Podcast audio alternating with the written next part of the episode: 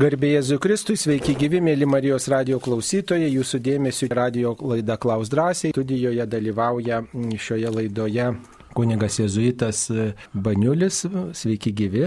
Iki. E, taigi e, ir taip pat prie mikrofono esu aš, kunigas Saulis Bužauskas. Primenu, kad Marijos radijas su dėkingumu palydi visus mūsų geradarius, yra išlaikomas tik iš tikinčiųjų aukų. Ir tikrai dėkojam visiems, kurie prisidedat įvairiais būdais, kad Marijos radijas gyvuotų. Kaip įprasta, auką galima atnešti į Marijos radijos studiją Vilniuje arba Kaune. Galima mm, perduoti e, savanoriams, kurie aukas renka bažnyčiose e, bažnyčiose aukas renka, o taip pat mm, galima mm, perduoti per patikimus žmonės arba skambinti trumpaisiais numeriais 1622 ir taip paukoti 5 e, eurus ir taip pat galima skambinti e, telefonu 1623 ir taip paukoti 10 eurų. Šiais telefonų numeriais galima skambinti, jeigu jūsų tinklas yra Tele2 mobiliajame tinkle, jeigu jūsų e, abonentas priklauso Tele2 mobiliajam tinklui ir batelija fiksuotam arba mobiliajam tinklui. Na ir taip pat iki gegužės pirmosios per visą balandį dirbantis e, gyventojai galite pervesti 1,2 gyventojų pajamų mokesčio Marijos radio veiklai.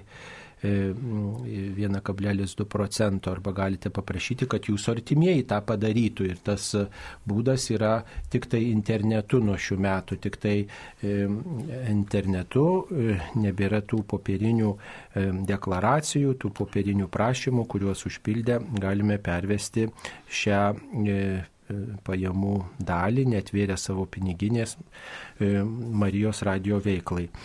E, taigi ačiū Jums už palaikymą. Dar toks klausimas yra e, toks klausimas, kuris atsiustas iš anksčiau. Tikėjimas ir tiesa, suprantu, taip, tai yra teisinga, o kam reikalinga bažnyčia? Kaip galima atsakyti į šitą klausimą, gal žmonėms pakanka, kad jie tiki, o kodėl reikia lankyti bažnyčią? Bažnyčia tai yra bendruomenė, Dievo įkurti namai, kuriuose mes tikintieji susitinkame. Ta, ta prasme, kad tą bažnyčią irgi žiūrime, reiškia, į bažnyčią tai gali būti kaip gyvoji bažnyčia ir bažnyčia kaip e, bendruomenės pastatas. E, gyvoji bažnyčia tai esame mes visi tikintieji, kurio galva yra Kristus. Ir bažnyčia kaip pastatas susirinkti visai bendruomeniai yra tiesiog vieta, kurie mes galime susitelkti, e, dalyvauti mišių aukoj, e, kurioje mes galime klausyti Dievo žodžio ir patį Jėzų priimti šventojų komunijai. E, kitur per televiziją ar radiją Tai ligonėms yra patogu klausyti, bet tai tik tai klausimas. O dalyvavimas tai yra toks dalyvavimas, kad tu e, fiziškai pats gali dalyvauti ir priimti patį Jėzų Eucharistijoje. Todėl krikščioniui, tikinčiam žmogui tai yra labai svarbu ir būtina, o be to, kai mes susirenkam visi kartu vienoje vietoje išventas mišes išreikšti ir savo tikėjimą, parodom, nedemonstruojam ne, ne jį, bet tiesiog mes liūdėjame vieni kitiems ir kai mes matom, kai bendruomenė susirenka įvairiausia ir maži vaikučiai labai gražu, kai tėvelė atsiveda vaikučius, gal kai kam ir būna nelabai malonu, kad tie vaikučiai trupučiuką juda, bet tai yra visų namai ir mažų ir didelių ir sveikų ir ligonių, ateina ir su lasdom, ateina ir su vežimėliais ir atsinešami jie krepšelėse, krepšeliuose vaikučiai. Tai visi pakrikštytieji visiems mums priklauso e, dalyvauti šventose mišiuose ir mes esam lygiai teisiai e, visi e, tuose namuose ir tiesiog dalyvaujam aukoj, tai auka ir yra, kad mes priimame ir vieni kitus tokie, kokie esam. Kad tas vaikučiai savo gražiais balseliais pačiulba, e, gal kitam iš skausmo kažkas sunku atsisėsti ir atsistoti, jis e, kaip pririštas yra ir gal sunku žiūrėti kai kam, bet tai yra realybė tokia, kokią mes turime išmokti priimti ir dėkoti Dievui, kad žmonės ateina ir mes pamatom, kokia yra bažnyčia. Ta bažnyčia yra tokia įvairi ir tokiu būdu mes matom, kad joje yra kaip gamtoj daug gėlių ir paukščių visokiais balsais, taip ir žmonių visokiausių yra. Ir visi turi teisę į ją ateiti ir visi esame kviečiami ir laukiami.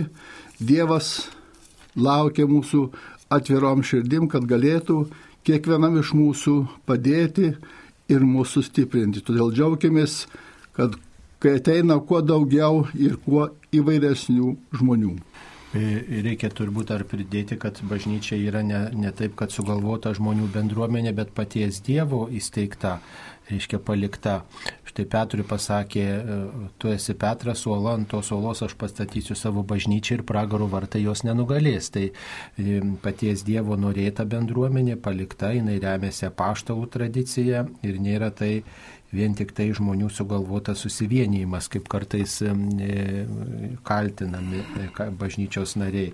Ir visi pakrikštytieji jungiasi į tą vieną Dievo vaikų šeimą, kurie nori gyventi pagal viešpatie žodį. Taigi tikėjimas, jisai pats vienas egzistuoti be bažnyčios gal ir galėtų, bet tada rizikuoja labai, labai tokio turėti daug subjektivumo. O, o per bažnyčią mes paveldime tai, ką viešpats palikęs yra ir tada priimame ne ką, kaip mes įsivaizduojam tą tikėjimą, bet priimam tikėjimą ir, ir jį įgyvendinam taip, kaip viešpats kviečia, kaip viešpats ragina, nes per bažnyčią veikia pats Dievas. E, dar vienas klausimas apie evangelizaciją. Tai Evangelijos skelbimas, tikėjimo žinios skelbimas, o kai kažkas propaguoja savo požiūrį, tai vadinama propaganda ir kuo tai skiriasi.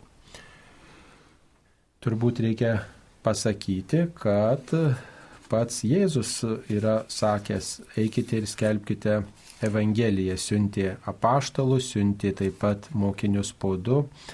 Ir e, e, tiesiog tai yra Jėzaus paliktas priesakas nešti Evangelijos žinia štai e, visiems žmonėms. E, Evangelijoje pagal Matą 28 skyriuje skaitome, eikite ir padarykite mano mokiniais visų tautų žmonės, krikštydami juos vardant tėvo ir sunaus ir šventosios dvasios, mokydami laikytis visko, ką tik esu jums įsakęs.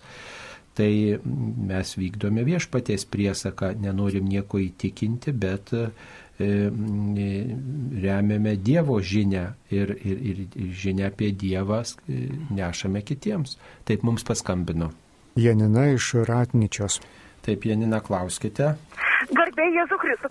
Amžius. E, šitą, mano vaikai uh, gimė mergytė ir nori pakrikštyti vardą Rachelė. Aš norėjau sužinot, ar jis kad šventas, tai žinau, kad senas, bet visi juokisi, kad yra žydiškas vardas, va. Taip, ir ką? Nu tai nieko, jis yra tikrai žydiškas. Taip, tai yra iš Senojo testamento e, paimtas vardas. Paprastai e, krikščionės e, krikštyje vaikus vardais, kurie minimi, kaip sakant, po Jėzaus tų žmonių kurie buvo Jėzaus sekėjai. O aišku, galima pavadinti ir Senojo testamento mm, personažų vardais, jie vadinami tokiais teisėjais, tie, kurie gyveno iki Jėzaus, dar Jėzaus buvo nepažinę, bet gyveno taip, kaip, e, e, taip, kaip viešpats mokė dažnai ir, ir tiesiog, tiesiog jie vykdė viešpaties valią daugiau ar mažiau ir skaitome jų istoriją Senajame testamente. Rachelė tai yra Labano duktė, taip apie ją skaitome pradžios knygoje. Ji, ji ištekėjo e, už Jokūbo E, e, tai, žodžiu, na, ji, aišku, e, įvairiai gali būti vertinama, nes, taip sakant, jinai ir pasivogė savo tėvo namų globėjų dievukų statulėlės, tokių stabukų ir e, gimė, e, gimdydama savo sūnų Benjaminą mirė, neturėjo vaikų daug metų. E, tai, žodžiu, nu, yra toks žmogus ir personažas, kaip ir, kaip ir mes visi. Turime ir tokių šviesių savo savybių, bet turime ir tokių galbūt neigiamų savybių. Tai čia jūsų pasirinkimas, aišku, tokioj krikščioniškoje tradicijoje tas vardas turbūt labai retas yra ir, ir paprastai krikščionis nu, nekrikštyje Senojo testamento personažų vardai savo vaikų arba dar prideda kitą krikščionišką vardą, kad pabrėžtų, jog štai vat, tas asmuo, kurio vardą pasirinkame, yra Jėzaus sekėjas ir mes taip pat linkime tokio šventumo, tokio stropumo, kokį turi štai tas Jėzaus sekėjas. O jeigu jums gražus Senojo testamento personažas ar jo istorija, jo darbai, galite pasirinkti, bet na, rekomenduojame tikrai prie Jėzaus daugiau ryštinę savo istoriją, savo, savo nu, tokį santykį ir tą linkėjimą vaikams, ne prie, ne prie gražaus vardo skambesio ar prie ko, bet daugiau prie tos istorijos ir tikrai, kad turėtume tuos globėjus, kurie mylėjo Kristų ir taip pabrėžtume savo krikščionišką šaknis, krikščionišką kryptį. Dabar žiūrime, kokie klausimai dar mums atsiųsti apie Reginą. Kas buvo šventoji Regina? Nu, tai Regina iš latinų kalbos išvertus reiškia karalienė. Nu va, o dar suradau čia apie šventąją Reginą. Pasirodo, tokia buvo e, kankinė šventoji Regina. Tai yra Prancūzijoje gyvenusi. Jos pagonės tėvas veltui mėginęs priversti atsisakyti tikėjimo įkalino ir galiausiai nukirzdino. Na va, tai e, nors ir e, tai buvo seni laikai, tačiau Regina, žinoma, kad Regina sutiko priimti kankinystę ir konkrečiai apsispręsdama už Kristų ir paprieštaraudama tėvui pagoniui. Na va, meldėsi už e, tėvą, tėvą pagonių ir už kitus netikinčius minima rugsėjo 7 dieną kai kuriuose kraštuose. Tai va taip trumpai, bet tikriausiai labiau mm, tas vardas Regina žinomas nuo karalienės. Na va, ar rekonstruojama Vilniaus gatvė jau galima ateiti iki bažnyčių Kauno senamestyje. Na, ta gatvė nėra iki galo re rekonstruota dar, bet kiek žinau, vaikšto ten žmonės, aišku, turbūt ten dedamos kažkokio vietoj trinkelės, tai turbūt nelabai galima praeiti. Kai kur šaly gatvė jau mačiau yra, bet ar visur neteko daryti. Taip, ir tada kokioje parapijoje tarnauja laidoje dalyvaujantis kunigas Algis Baniulis. Tai gal ir pasakykite, kokioje parapijoje tarnauja. Tarnauju Švento Pranciškaus Savero jėzuitų bažnyčioje, kuri turbūt daugelis mūsų lankytojų tai žino, kad jį randasi Rotožės aikštėje numeris 8. Taip, ne Gerai, tai kviečiame apsilankyti Jėzuitų bažnyčioje, Pranciškaus Ksavero bažnyčioje prie Rotušės. Taip, dabar žiūrime, kokiu dar turime žinučių. Mm, taip, e, kodėl Šventos Kotrinos bažnyčioje vyksta tik koncertai, o kodėl nevyksta pamaldos, juk bažnyčia buvo statyta ne koncertam renkti, o melstis, ar tai nėra Dievo įžeidimas. Na, kiek man žinoma, tikrai mm, ten ta bažnyčia buvo remontuota mm, valstybės lėšomis, tiesiog ir, ir, ir bažnyčia, bažnyčia tiesiog ten mm, neturėtų tiek pakankamai lėšų suremontuoti tą bažnyčią ir Kotrinos vienuolynas nėra toks didelis, e, ta bendruomenė kotriniečių, kad jį galėtų suremontuoti. Anksčiau buvo Šventos Kotrinos vienuolynas, e, vienuolyno bažnyčia ir e, tiesiog veikia kaip vienuolyno bažnyčia, tačiau nuniokojus sovietų valdžiai užėjus tą bažnyčią, tik, tikrai reikėjo daug lėšų atgimimo laikais ją suremontuoti. Ir tikrai kaip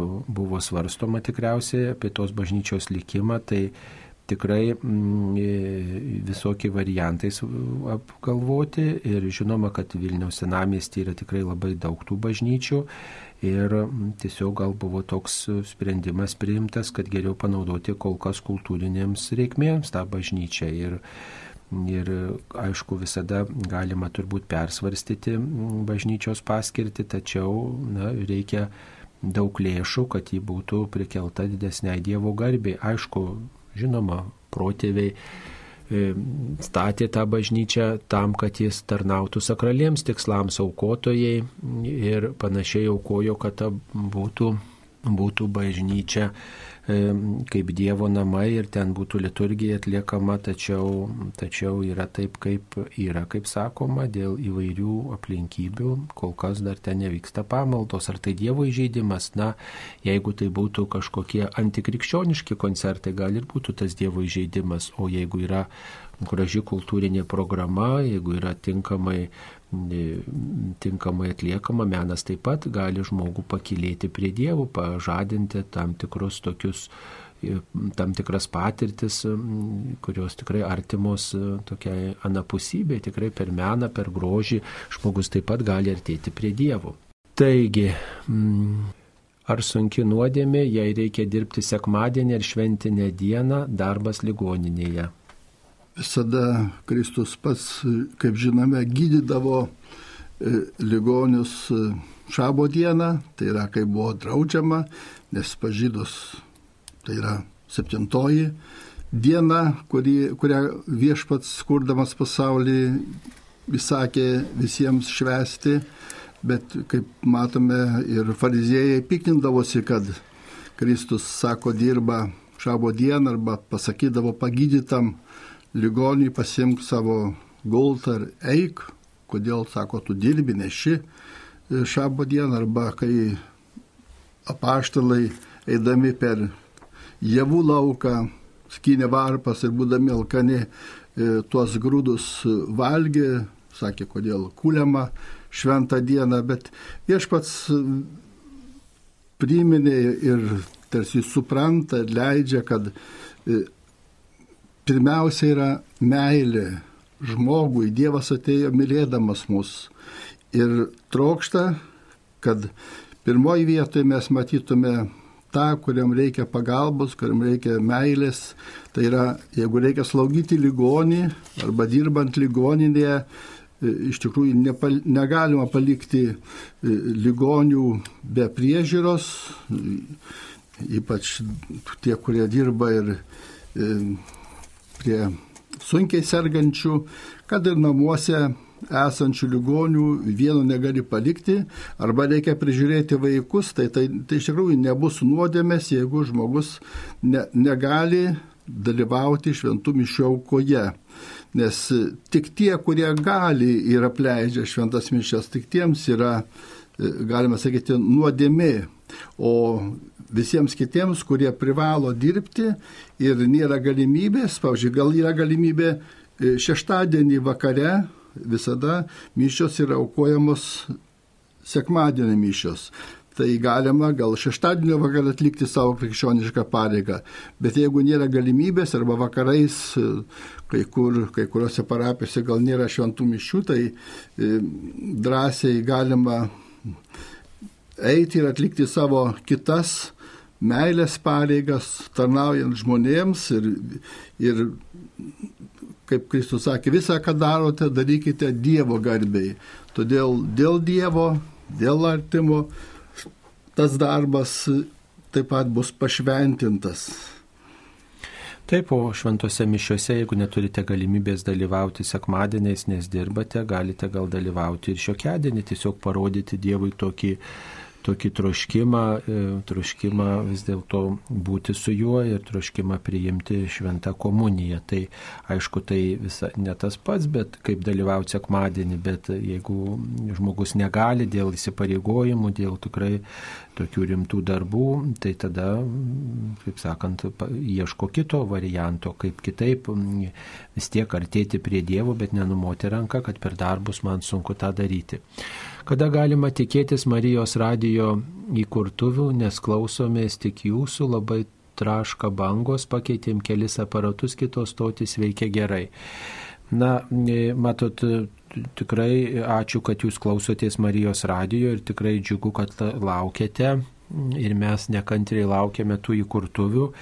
E, šiuo metu vyksta vyksta tokie apmokymai, operatoriai tikrai truputį mokosi, kaip su ta technika darbuotis, nes reikia ir čia, taip sakant, vykdyti veiklą senojoje studijoje, o, o, o taip pat mokytis ir e, su naujosiomis programomis dirbti.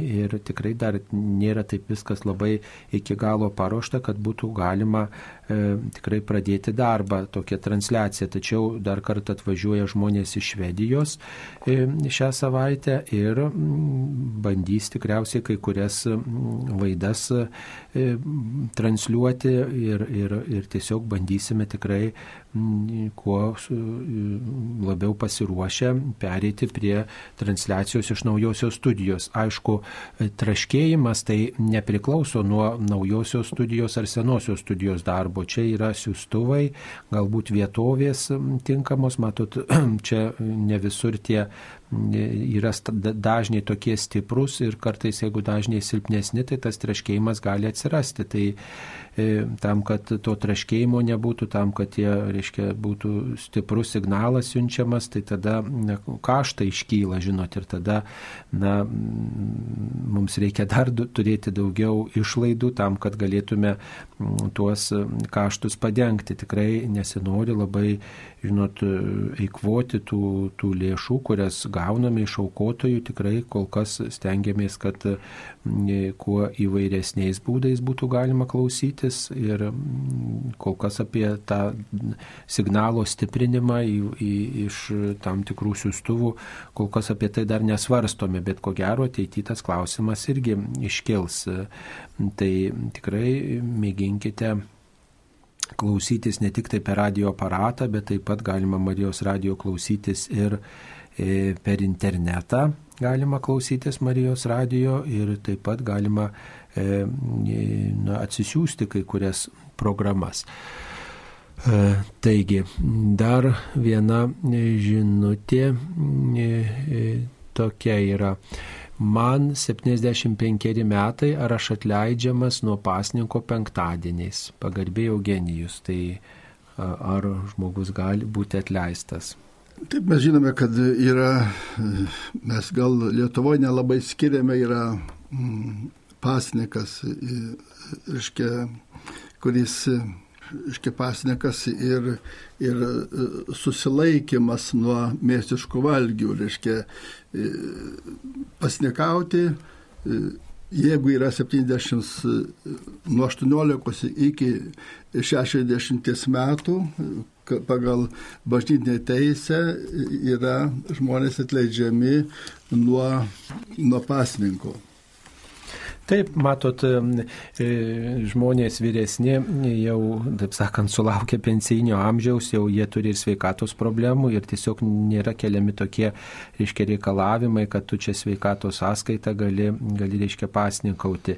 Tačiau dažnai tie vyresni žmonės yra, yra kaip sakyt, kaip tik tai tokio didesnio pamaldumo ir, ir jaučia solidarumą ir su kenčiančiais, ir su kenčiančiu Kristumi ir dažnai e, tiesiog, na, kaip kaip tik tai susimastų ir apie mirtį, ir tokioje atgailos nuotaiko išgyvena, išgyvena, išgyvena šitą pasninką, tai kaip tik tai kai, kurie, kai kada vyresniam žmogui lengviau yra nevalgyti ir mėsos, valgyti tik vieną kartą, kaip viskupų konferencijos rekomendacijose pasninkas tai yra vieną kartą valgyti stipriau, o kitus kartus lengviau užkasti. Valga, valgyti patariama tikrai, e, e, taip sakant, susilaikant nuo mėsiškų valgių, reiškia, o kitus kartus mm, lengvai užkasti. Vanduo, pienas, vaisių sultis pasninko nelaužo. Tai yra tokia instrukcija, Lietuvos įskupų konferencijos instrukcija 2006 metais, kad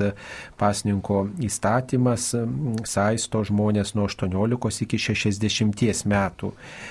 Tai, e, tai, tikrai, tai tikrai tiem žmonėms pirmiausiai skirtas, tačiau galima, e, galima pamaldumo ženklan, solidarumo ženklan ir vyresniems žmonėms, ir vaikams galima tikrai truputį kalbėti apie tą susivaldymą, apie, apie tokį saiką, apie vis dėlto solidarumą, bendrystę ir tada mokinti to pasninko ir taip pat ir vyresniems žmonėms tokioj bendrystėje pasilikti su tais, kurie kenčia.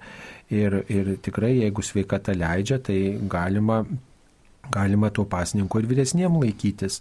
Aišku, yra apie tą radikalią pasninko tokią formą kalbama, kai, kai reiškia, pas, pasirenkama pasninkauti valgant tik tai duoną ir vandenį, nors čia viskupų konferencijos instrukcijoje apie tai nėra rašoma, tačiau žinoma, kad Marija apriškimuose yra apie tai kalbėjusi ir to prašiusi ir daugybė žmonių tą pamaldumą tokį praktikuoja, pasninkauti duoną duoną ir vandeniu, tiesiog e, e, kelis kartus per dieną gerti e, vandenį ir, ir valgyti juodą duoną, melžiantis už kitus žmonės ir kartu išgyvenant tokią, tokią stoką, tokį susivaldymą. Ir dar norėčiau pridėti, kad kartais tas pakeitimas mėsos žuvimi tai nėra tikras pasninkas tiems, kurie kuriems žuvis yra labiau priimtina ir kurie e, džiaugiasi, kad, sako, sulaukiam pasniko dienos, tai mes galėsime skaniai pavalgyti geros žuvies. Tai kartais e, ta prasme pasnikas, kai mes kažko galime ir pakeisti pasniką tai, kas man yra maloniau, kažko malonaus atsisakyti. Gal vaikams, pavyzdžiui, saldainių ar kokio nors piragaičių, ar ledų, ar kažko kito, kas, kas patenkina jo visus tuos troškimus arba e, atsakyti tiems, kurie e, dažniau naudoja e, alkoholį ar, ar, ar rūkimą kažkokiu būdu sumažinti ar nutraukti. Tai yra, yra tikras pasnikas. Dar pasnikas pasnikaujame tokiu būdu, kai mes galime iš sutaupytų e, lėšų, kurios per pasniką neišleidžiam maistui savo prabangiam, e, tas lėšas paskirti labdarai, nes mes esam socialinės būtybės ir mes turime matyti ne tik save, bet ir savo artimą, kuris kenčia ir, ir iš vis neturi ko pavalgyti, o ypatingai dabar, kai yra vargsta, vargstančių ir kariaujančių Ukrainoje, kurie pabėgėliai. Tai tokiu būdu yra kam padėti ir mes vietoj to, kad kažką tai valgytume labai prabangiai, galime kartais ir e, kažką pasirinkti kitą, ne taip, kas man labiau patinka, o ta, tas lėšas paskirti e, kaip dovana vargstantiems. Nu, dar čia panašus klausimas yra, kad kodėl pasninkas pabrėžiama tik tai nuo mėsiškų valgių, nes mėsa visais laikais buvo prabangos e, produktas ir šiais laikais gera, kokybiška mėsa, ekologiškai užauginta, tinkamom sąlygom užauginta, e, e, tikrai, va, pavyzdžiui, jautina veršiena ir, ir ūkininkų tinkamai užauginta keuliena tikrai labai yra brangi, jeigu taip tikrai laikytis visų visų, e, visų tokių principų, kad ji būtų skani, sveika, tai tikrai tokia, tokia mėsa brangiai kainuoja. Pabandykite pirkti, pavyzdžiui, veršieną, e, tikrai jautieną, žiūrėkit, kokia yra brangi, tikrai tinkamai užauginta gero, gerose tokiuose sąlygose, tai tas išlieka. Kitas dalykas, pasninkas su maistu susijęs todėl, kad mes bandom apriboti savo kūną. Čia kalbam apie kūno ribojimą ribodami kūną, mes tada suprantame e, tam tikras savo, savo silpnumą, savo, savo ribotumą ir išmokstame tada ugdyti valią, nes ugdyti, pavyzdžiui, tokį atsparumą įdom nuodėmėm, nu tai čia, žinot, labai, labai yra subjektivu. Vienas tai jau neturi tos įdos, vienas gal netaip supyksta e, greitai, kitam viena nuodėmė, kitam kita nuodėmė būdinga, bet pavyzdžiui, maisto reikia visiems ir tada ta taisyklė mus visus saisto, ne? Maistas, maisto dalykuose, kūno dalykuose pribojam save. Yra žvilgsnio pasnikas, akių pasnikas, ausų pasnikas, kai mes nežiūrim vaizdų, nežiūrim televizijos, nežiūrim interneto programų, koncertų ir panašiai, bet taip pat ir, ir nesiklausom galbūt muzikos, dar kažko save ribojame tam, kad kažkam kitam tą veiklą paskirtume, tam, kad atsigręžtume į kitus žmonės. Vat, tikrai įsiklausykime į, į bažnyčios per tūkstantmečius tą tradiciją gyvavusią, kuri šventam rašte gyvuoja, laikoma, aišku, visada galima papildyti, praplėsti, tačiau užginčyti, tai reikia, žinot, turėti labai daug nuolankumo, kad maždaug, ai, ką čia aš neka, mes savai padarysim. Tai, žinot, puikybė, jinai net ir jūsų gerus pasiryžimus gali labai greitai nuvainikuoti. Taip, e, žiūrim, kokios kitos žinutės mums yra atsiustos. Ar privaloma priimti šventąją komuniją atsiklaupus? Šventą komuniją yra, e, reikia priimti su ypatingai pagarba didelė. Dabar, kai ypatingai pandemijos metu e, ir viskopų konferencija Lietuvoje ir pasaulyje dažnai yra šventoji komunija priimama į ranką, ištiesiant ranką, padarant tam tikrą sostą ir iš jos e, ją įdeda kunigas, o žmogus padaręs vieną žingsnelį į šoną, e, neneždamas toli į suolą šventosios komunijos, čia pat priima pagarbiai.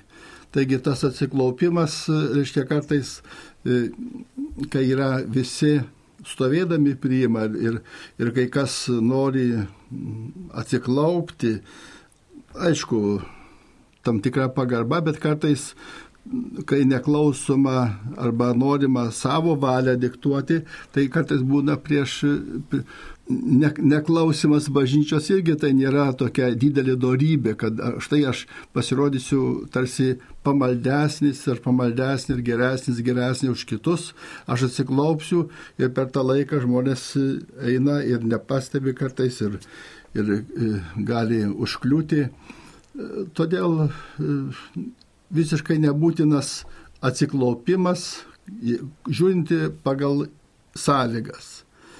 Svarbu pagarbiai. Taip, dabar dar viena žinutė, ar jau galima paremti Marijos radiją per Patreon sistemą, būtų labai patogu.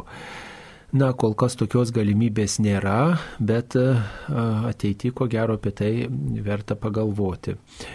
Nuo kurio gavėnio sekmadienio yra pridengiami kryžiai, kokia to pridengimo reikšmė. Tai pridengiama nuo penkto gavėnio sekmadienio, kaip tik tai nuo e, šio sekmadienio, kaip tik tai šeštadienį vakare pradedame švęsti sekmadienį ir paprastai jau tie kryžiai ir pridengiami. E, tai kokia to reikšmė? Reikšmė ta, kad iškertėjame, įžengėme į Kristaus e, kančios apmąstymų laikotarpį tokį intensyvesnį, artėja tos e, Kristaus nukryžiavimo diena, didysis penktadienis, tai tiesiog tą dieną tas kryžius atidengiamas, atidengiamas per tris kartus, gėdant štai kryžiaus medis, ant kurio kabojo pasaulio atpirkėjas. Ateikite, pagarbinsite jį. E, ta pridengimo prasme tokia, kad e, yra slėpinys, yra uždengta nuo mūsų akių, kodėl viešpats taip kentėjo. Dažnai žmonės klausia ir ypatingai dabar, kai yra karas Ukrainoje, kai daug nekaltų žmonių žūsta, kenčia, kodėl nekalti turi žūti, kodėl vaikai turi žūti.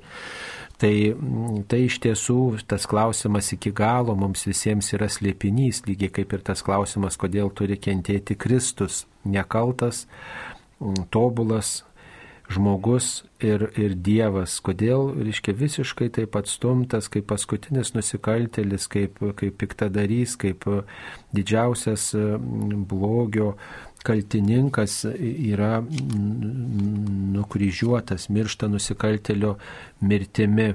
Kodėl Dievas taip turi mirti ir tai yra nu, žmogaus protų nesuvokiama.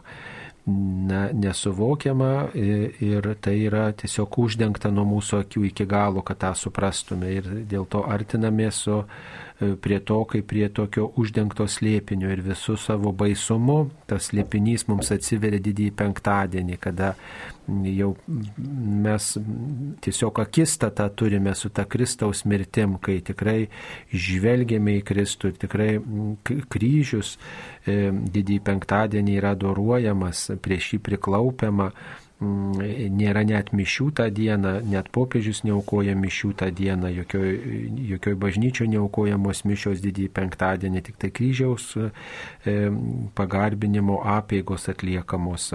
Tai Tai yra artėjimas prie slėpinio, kuris žmogaus protui nėra suvokiamas, bet jisai savo visų baisumu prieš mus iškyla ir mes tiesiog tik galime nuščiūti, pagarbinti viešpatį už tokią, tokį jo žingsnį, kuriame jis įprasmina bet kokio žmogaus kančią ir vargą.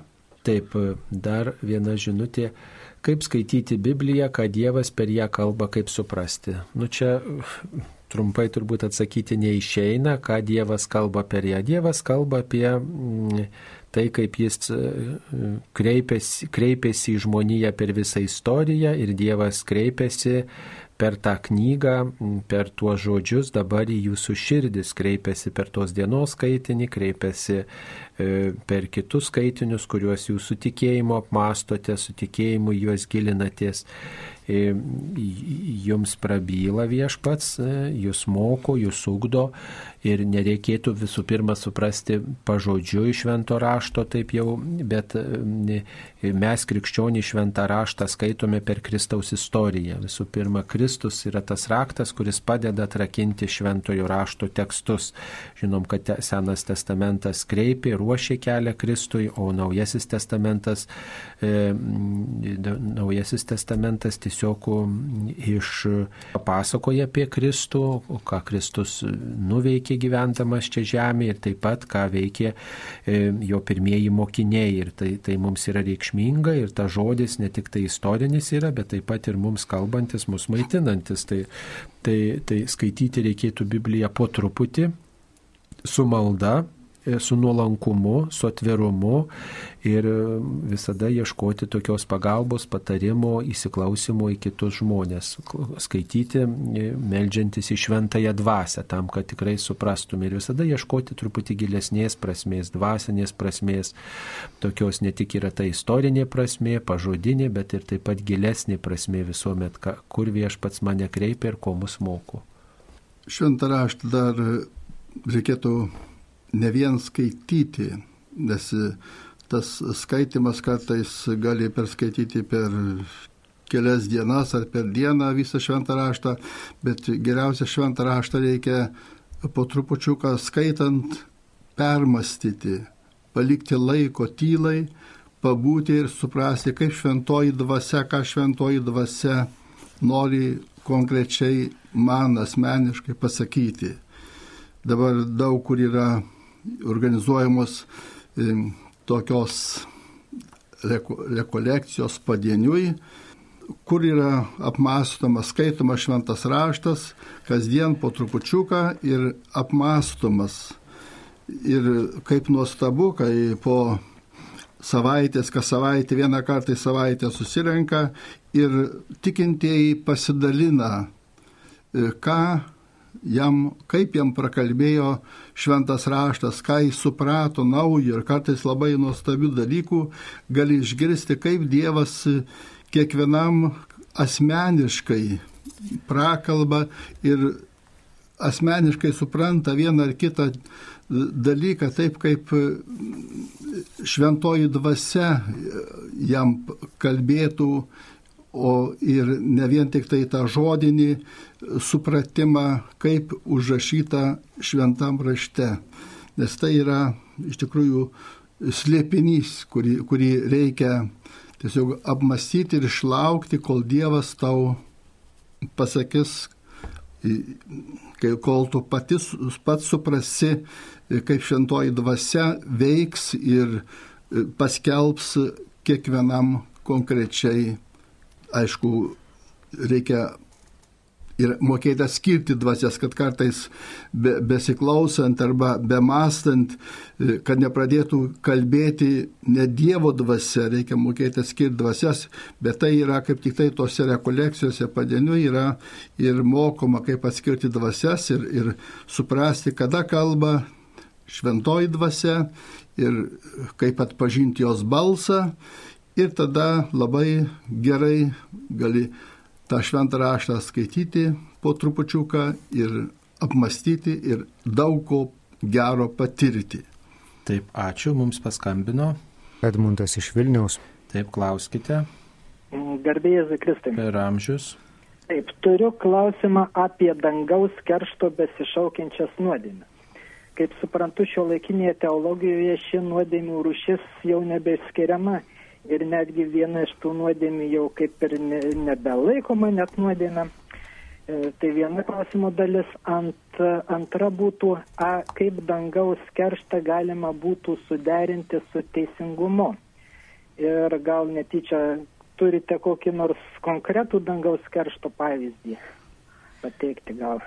Taip, reikėtų šitą klausimą suprasti, šitas dangaus keršto klausimą reikėtų suprasti tokia pedagoginė e, prasme. E, truputėlį reiškia galvoti ne tik apie čia įsipildymą, pildymą to, to, to dalyko, bet apie tai, kad reiškia reikėtų to vengti. Pirmiausiai tokia yra mintis, ar ne, kad mes kalbame apie sunkes nuodėmės, kurios užtraukia tam tikrą tokį tikrai na, griežtas liūdnas pasiekmes. Ir e, apie tai viešpats nori pasakyti, kad nekiškit nagų į ugnį, nes nudegsit. Ir mums nereikia sakyti, ar gal kas nors nudegė, o kaip čia atrodo, kaip nudega, o kas čia bus, bet tiesiog priimti šitą perspėjimą rimtai, kad tikrai viešpats nori užstoti tuos, kurie kurie yra skriaudžiami, ar ne, ir viešpats nori kažkaip, na, pastatyti vietą, paauklėti ir tikrai tinkamai e, pasielgti su tais, kurie, na, tas nuodėmės daro. Tai, e, tai va taip galėtume atsakyti, e, kokių pavyzdžių, nu, žinot, pavyzdžių čia sunku būtų kažkokių sugalvoti, ar tai dangaus kerštas, ar tai ar tai, ar tai yra kažkoks kitas kerštas, bet faktas tas, kad, kad, kad tikrai nuodėmė atneša liūdnas, liūdnas pasiekmes. Liūdnas pasiekmes atneša ir kad reikėtų vengti tokių tokių nuodėmių. Tai pirmiausia, reiškia užmokesčio nusukimas, ne žmogaus, kuriam priklauso užmokestis ir, ir tikrai jis yra nusukamas e, ir taip pat yra kelios kitos nuodėmės. Gal pirmiausia, mes turėtume suprasti, kad Dievas niekada nekeršyje. Tokios, e, gal čia buvo tik toks įsireiškimas priimtas, kad, reiškia, jeigu tu darysi blogą, tai tau pačiam sugrįžtas blogis, reiškia, arba kitais žodžiais yra šventam rašte parašyta, kokius saikus seikėsite, tokiu Dievas jums atseikės. Taigi Dievas niekada nekeršyje. Bet Dievas tiesiog yra tas atlygintojas, galėtume pasakyti kai matome ir, ir dabar, sakysim, kai yra žudomi nekalti Ukrainos žmonės, tai čia negalim sakyti, kad Dievas kažkam tai atkeršys, bet jie patys, patys savo kenkia darydamas blogą, arba žmogus, e, kuris kerštauja kitam, arba galvoja, kaip aš jam atsilyginsiu, reiškia, ką jam sugalvoti, kaip jam atkeršyti, e, tai visada pats tas, kuris galvoja tą keršto planą, jis save sugriaužia greičiau ir daugiau padaro savo nuostolių negu tas žmogus, kuriam tas kerštas būtų skirtas. Todėl e, apie kerštą, Dievo kerštą e, turbūt reikėtų užmiršti ir negalvoti, bet Dievas yra atlygintojas. Ir nedaryk blogio, nedaryk, ko, ko tu nenori, kadangi tai yra žmogaus prigimtinis įstatymas, e, daryk tai, ko nori, kad tau kiti tau darytų. Tada e, visada sugrįž su kaupu, ką tu gerą padarai, tai sugrįž kelis kartus daugiau tau pačiam. Todėl gero darimas yra skatinamas, o tas blogo darimas tai yra tiesiog pats savo žmogus užsidirba. Niekas jam nekeršia, bet jis pats užsidirba tą blogį, kurį darydamas kitiems e, tampa to blogio vertas. Na tai mm, galime tas nuodėmės jums įvardinti, jeigu jums rūpi, tai yra sąmoningas nekalto žmogaus nužudimas, taip pat beturčių našlių našlaičių skreidimas, atlyginimo nemokėjimas ne, ne, na, tiem žmonėms, kuriems tas atlyginimas priklauso, tie, kurie patarnavo, ar, ar, ar, ar tie, kurie, reiškia, e, yra pasamdyti. Nu ir taip pat e, nuodėmė tarp tos pačios lyties asmenų, tai žodžiu yra tai šventam rašte įvardinta tos nuodėmės ir Ir apie tai, žodžiu, tas turi tokį labai na, griežtą, griežtas pasiekmes tos nuodėmės. O aišku, kad e, tikrai bet kokia nuodėmė turi tas e, liūdnas pasiekmes. Jeigu jūs tą norite įvardinti kaip bausmę, tai ta, taip galime. Bet bausmė visuomet turi net ir pedagoginį tokį aspektą, ar ne? Tai arba tai galim kaip pykti įvardinti, arba taip pat ir tam tikrą ugdymą, kad, reiškia, daugiau tas nepasikartotų. Taip, mums paskambino. Lionginai Šiaulių rajono. Taip, klauskite. Garbė Jėzui Kristui. Per amžius. Gerbiami kunigai, aš senam žurnale Katalikų pasaulis mačiau, kaip nuotraukoje mačiau, kaip kunigas uždėjęs rankas ant žmogaus kalba užtarimo Dievui maldą. Ar tik tai kunigas gali kalbėti šią maldą, ar gali kalbėti bet kuris tikinti žmogus? šią užtarimo maldą. Ir ar jeigu gali kalbėti bet kuris žmogus, tada kur galima rasti šią kalbą? Ir dar trečias būtų klausimas, ar katalikas gali užtarti liuteroną? Na, tai užtarti turbūt galima visus žmonės, melstis už visus žmonės, tačiau reikia labai, e, nu, aiškiai suprasti, kad užtardami kitus, melsdamiesi už kitus, tikrai mes stojame į tam tikrą kovą. Jeigu, pavyzdžiui, kitas žmogus, e, na, susijęs su kažkokiam neiškiom praktikom, visa kita, tai labai smarkiai rizikuojame tą blogį, su, į kurį tas žmogus įklimpęs, kažkokiu būdu, nu, atkreipti į save, nes piktasis, pavyzdžiui, jeigu kažkokiu kokiu būdu vienai par kitaip tą žmogų e, vargina ar kaip, tai na, galiu galiu taip pat ir, kaip sakoma, to piktojo veikimo, tokios strate, strategijos ir pats ar pati patirti. Aišku, už kitą krikščionį, kitos nominacijos krikščionį visada galima melstis, tačiau reikia visada ir pačiam rūpinti savo, taip sakant, tuo tvirtovės, dvasinės tvirtovės stiprumu, kad e, tikrai melsdamasis už kitą žmogų, užtarimo maldą ar bet kokią kitą maldą, na, neįsileiščiau tų problemų ar kažkokių kažkokio to žmogaus varginimui savo širdį. Tai, taip sakant, e, reikia patiems rūpinti, melstis už save ir taip pat už kitus žmonės. Tai čia yra krikščioniška mintis, ypatingai kai keli žmonės tą daro. Juk šventam rašte parašta, kur du ar trys susirenka melstis mano vardu, ten ir aš esu tarp jų. Turbūt e, dar norėčiau pridėti, kad specialių maldų turbūt nėra, reiškia, užtarimų maldų, reiškia, žmonės susirenka ir galima ir viena melstis užtarimų malda, e, užtariant tą žmogų esantį kokioje nors bėdoje e, ar, ar paklydusi žmogų.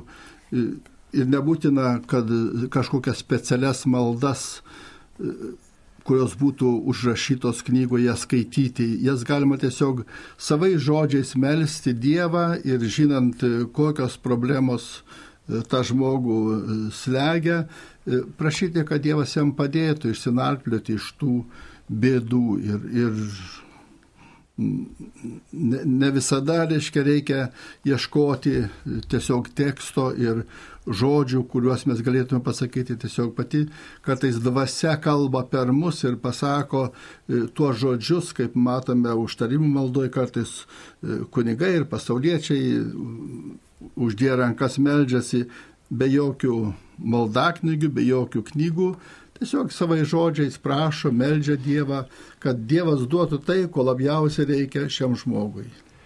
Taip, Dar klausimas, ar galima užprašyti mišes didįjį šeštadienį. Tai didįjį šeštadienį mišios yra neaukojamos, diena be liturgijos yra tik tai aukojamos e, e, vakare, Velyknakčio mišios. Tai dažniausiai tai nėra kažkokia intencija pasakoma tose mišiose, tikrai švenčiamas Kristaus prisikėlimo įvykis. Galima galbūt sutarti dėl kitos dienos, pavyzdžiui, antrą Velykų dieną ar panašiai. Taip, ar e, didįjį penktadienį klausoma iš pažinčių ir dalinama komunija. Tai E, reikėtų domėtis konkrečios bažnyčios e, aplinkybėmis, paprastai skelbiama bažnyčiose, kada iš pažinčių klausoma didįjį tridienį ir, ir tiesiog pasidomėti konkrečioje bažnyčioje. Dažniausiai yra klausoma pamaldų, ypatingai prieš pamaldas, šiek tiek anksčiau. O dėl komunijos, tai, na, jeigu susitaikinimo sakramentą priėmėte, dalyvausite didžiojo penktadienio pamaldose ir priimsite komuniją. Tai tikrai toks prasmingia, prasmingiausias dalykas būtų dalyvauti pamaldose. O atskirai, atskirai neteikiama didį penktadienį, didį šeštadienį šventoji komunija, tik tai pamaldose arba, jeigu yra silpnas ligonis, nešama ligoniai į namus ar ten, kur jisai serga. Taip. E, taigi, dar vieną e, aspektą pabrėžia, kalbant apie bažnyčią ar ne bažnyčią, galima priimti atgailos ir susitaikinimo sakramentą. Tai bažnyčia ir yra sutaikinimo ženklas e, dievo, su, dievo ir žmonių sutaikinimo ženklas. Ir dar norėčiau dėl išpažinties, kad labai gražu, kai žmonės ruošiasi yra visa, visas gavėnios laikas pasiruošti šventoms Velykoms, netidėti e, išpažinties didžiajam penktadieniui ar didžiajam šeštadieniui ar ketvi, didžiajam ketvirtadieniui arba pačiom Velykom. E, tiesiog reikia jau šventai būti pasiruošus iš anksto. Ir kai kuriuose bažnyčiose iš tikrųjų yra neklausoma nei Velykose, nei tom didžiosiom didį tridienį išpažinčių. Todėl pasistengkite yra skelbiamos susitaikinimo pamaldos, skelbiamos rekolekcijos, arba prieš mišes yra visada, turbūt aš tikiuosi, kad visose bažnyčiose yra klausoma iš pažinčių, pasinaudokite ir netidėkite paskutiniai sekundai. Taip, ar atliekami egzortai nuotoliniu būdu? Nuotoliniu būdu egzortai netliekami. E, taip, dar vienas klausimas. E, noriu paklausti apie frazę iš viešpaties maldos, teteinė tavo karalystė, tiesie tavo valia kaip dangu, taip ir žemė. Noriu paklausti, kur bus ta karalystė. Tai e, kur ta karalystė bus, e, matot, amžinybėje visiškai kitaip mes suvoksime ir vietą, ir erdvę, ir, ir laiką. E, tai visiškai kitokie matai bus ir tiesiog klausti šito klausimo, kur tai bus, tai reiškia, kad prie mūsų mąstymų pabandyti pritemti, pritaikyti Dievo, dievo paruoštą tikrovę, dievo, tai ką Dievas paruošė mums visiems. Tai tiesiog reikia tokio atvirumo viešpati, nežinau, nesuprantu, kur tai bus, kaip tai bus, bet aš trokštų dalyvauti tame, ką tu mums paruošė. O Dievo karalystė prasideda, kai mylime, kai tarnaujame, ji jau yra tarp mūsų. Tai šventam rašte apie tai irgi skaitome. Kitaip sakant, jeigu mes pradedame su meilė patarnauti, vykdom viešpaties įsakymą, ieškom tiesos, ugdom nuolankumą, įvairias darybės, tai ta Dievo karalystė jau jinai mumyse gyvena, jau mes jos ragaujame. Ir tikrai būna toks, vat, tokia patirtis, kai kažką gerą padarai kitiems arba tau kažkas gerą padaro, tai tikrai to dangaus toks skonis, kad tikrai vat, toks kažkas amžino, kažkas nepaprastai nu, vat, gero, kilna dangaus širdį užlieja ir tai yra dangaus karalystės patirtis, o, o kaip tai dar pilnai išsipildys, mes tiesiog nežinome, tik tai remiame švento rašto tekstais, kad nei ausis negirdėjo, nei akis neregėjo, nei žmogui galva netėjo tai, ką viešpats paruošė tiems, kurie jį myli. Taigi žinom, kad tai pranoks bet kokius nedrasiausius mūsų lūkesčius. Dievo Kristos žodžiai pasakyti, kad Dievo karalystė yra jumise jau ji yra su Kristaus ateimu ir nebereikia kažko ypatingai laukti, tik reikia gyventi ir priimti Dievo karalystę, daryti tai, ką Dievas mus moko, ko jis mokė ir ko laukia iš mūsų, daryti gerą, mylėti, atleisti, kaip elgesi pats Kristus, gyvendamas su žmonėmis ir kad, kaip elgesi dabar per bažnyčią, suteikdamas kiekvienam prašančiam gailestingumą, išgydydamas mūsų dvasinės žaizdas. Tai ir yra to, toji Dievo karalystė, kai, kaip apie tą keliaujantį samarietį, gerai samarietį, kuris e, pasirūpino kitu. Tai ir yra Dievo karalystė, kai pajunti ir savo norą kitiem padėti, ir kitų norą dalinti savo meilę su artimu žmogumi.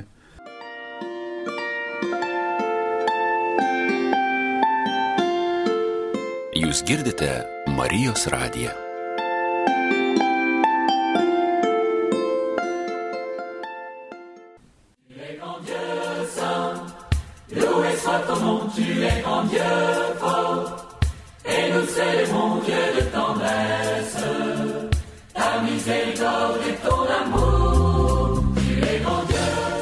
Pokalbių laida Klausk drąsiai.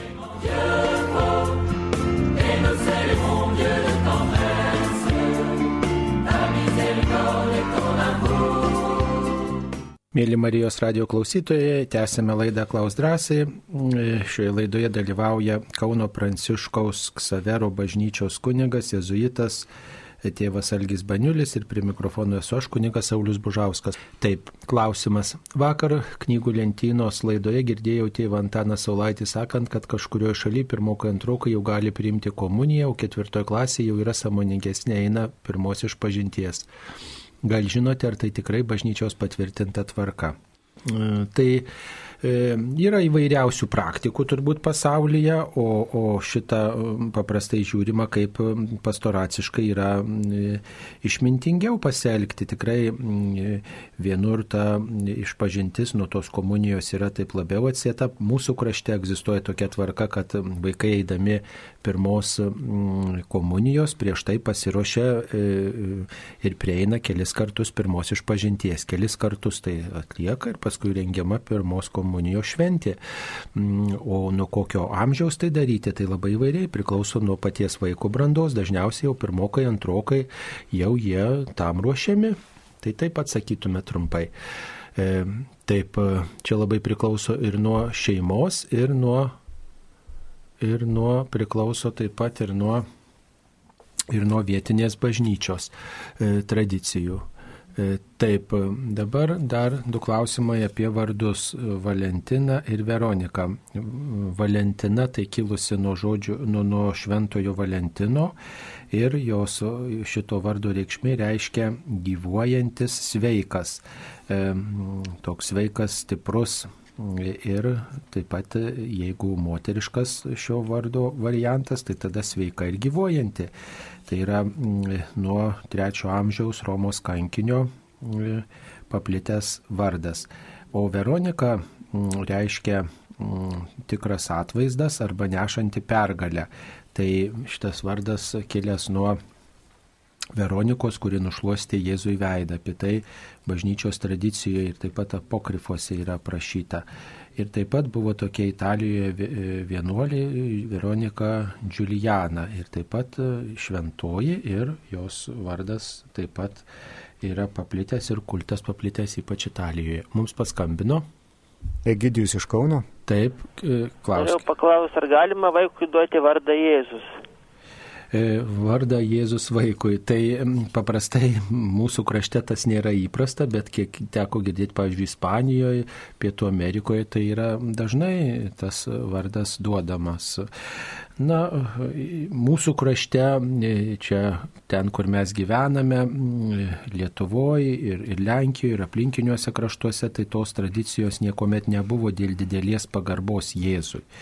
Reiškia, Jėzus yra išskirtinis asmuo ir vaikui duoti tokį vardą, na, nu, nu, nebū, ne, nebūdavo ryštamasi tik tai va tie, kurie yra Jėzaus sekėjai, tai va švento gyvenimo žmonės, tai va jų vardais pavadinti vaiką buvo įprasta, o, o Jėzaus vardas tokios tradicijos nebuvo, kad būtų duodamas vaikams. Iš tiesų gali būti ir paskui paaugus tam vaikui ir paskui tapusiam jau suaugusiu vyrų, reiškia, jo gyvenimas gali kartais labai skirtis nuo to, ką, ką darė ar kaip gyveno Jėzus ir paskui kaip, sakys, nešioji tokį vardą ir jam pačiam gali būti paskui sudaryti keblumų. Todėl aš galvoju, kad neverta, nors, sakau, Meksikoje tai labai dažnai duoda kelis vardus, reiškia, ir Jėzaus, ir, ir Marijos vardai, reiškia, yra su, nors ir Lietuvoje yra Marijos, bet, reiškia, vardas. Bet ten tai labai dažnai Jėzaus vardą duoda, bet kartu duoda keletą vardų, tai ten visa litanė tų vardų, todėl tas Jėzus įsipina į, į, į, į tą vardų visą litaniją, tai gal kartais ir jisai taip nelabai ryškiai išlenda taip aiškiai. O Lietuvoje tai iš tikrųjų yra, būtų sudėtinga, aš galvoju apie tą žmogų arba tą patį, kad ir nešioti vardą Jėzaus, tai labai didelė atsakomybė. Geriau taip gyvena, kaip Jėzus tokio laikosi, tikrai tokio, tokių principų, taip kaip Jėzus tengiasi gyventi, taip vaiką ugdykite, o duokite geriau kokio kito globėjo vardą, taip rekomenduotume kada bus paskelbti palaimintaisiais kardinolas Latkevičius ir tėvas Stanislovas. Na, to nežinome. Pirmiausia, turi būti surinkti visi liūdėjimai, visos medžiagos tinkamai ir, ir tik tai tada tas, taip sakant, gal stebuklas kažkoks įvyksta, tada va, to, tokiu atveju tai yra įmanoma. Taip, dabar dar viena žinutė apie tai, apie Marijos radio klausimą. Dabar yra pirkti interneto radio aparatą ir kuo puikiausiai Marijos radijas veikia nepriklausomai nuo ryšio. Yra išmanieji ir radio programėlės, kuo puikiausiai veikia Marijos radijas. Taigi per išmanesias programėlės taip pat galima klausytis Marijos radio. Ypač kai žmogus turi išmanų į telefoną, tas yra labai paprasta. E, reikėtų tik noro klausyti Marijos radijo ir įvairius būdus surasti. Tai ačiū už tokį entuzijazmą, e, ieškoti įvairiausių būdų, kaip galima klausytis Marijos radijo. Ir taip pat Marijos radiją labai daug kas klauso automobiliuose būdami, tai tikrai sveikiname visus automobiliuose mūsų klausančius ir viešpati laiminkius. Mums paskambino. Paskambino Elena iš Žemaičių kalvarijos. Taip, Elena, klauskite, jūs eterija. Garbė Jėzų Kristų. Per amžius. Aš noriu paklausti apie tautinis giesmės veina žodėlį, kad pakeistų.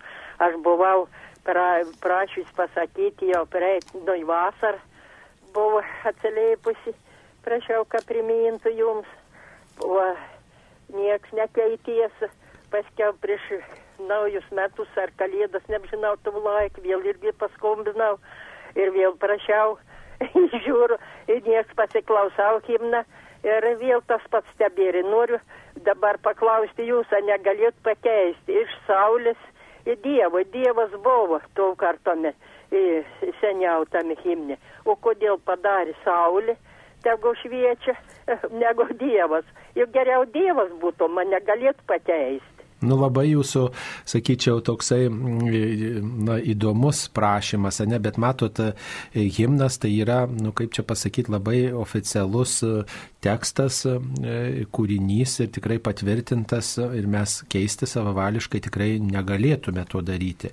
E, aišku, kad variantai įvairūs buvo pačioj pradžioj, tačiau priimtas šitas variantas galvojant ne tik apie tikinčius, bet net ir apie tuos, kurie yra netikintis arba abejojantis ar panašiai, kurių buvo ir anais laikais, kaip šitas himnas pripažintas valstybės himnu, net ir prieš kario Lietuvoje. Tai, na, galime sudėti įvairius turinius į Saulę į žodį Saulė, tai tikrai e, čia jau tikrai nesiryšime šito daryti, nes tai būtų tikrai tam tikras įstatymo pažeidimas, nes himnas, net ir jo gėdojimas yra reglamentuotas ir įstatymais ir taip pat pats tekstas tikrai nu, nekeistinas, čia jau reikėtų ne, ne mūsų vienų, taip sakant, įsikišimo, bet tikrai turėtų tą, nežinau, padaryti padaryti tam tikros, reiškia, labai nu, kompetitingos institucijos. Tikrai ne, nėra čia mūsų toks, žinot, paprasta giesmė, dar yra įmanoma kažkiek pa, pakeisti ir tai, kaip sakoma, iš daino žodžių neišmesi, iš giesmė žodžių neišmesi, net ir toks posakis yra, o ką jau kalbėti apie valstybės himną. Taigi, dar viena žinutė. Per gavienę prieš mišes bažnyčioje vaikščiojamas kryžiaus kelias. Ar galima melstį suolę, nes bažnyčioje atsiklaupti be atramos negaliu, ar geriau eiti paskui kryžių nesiklaupiant?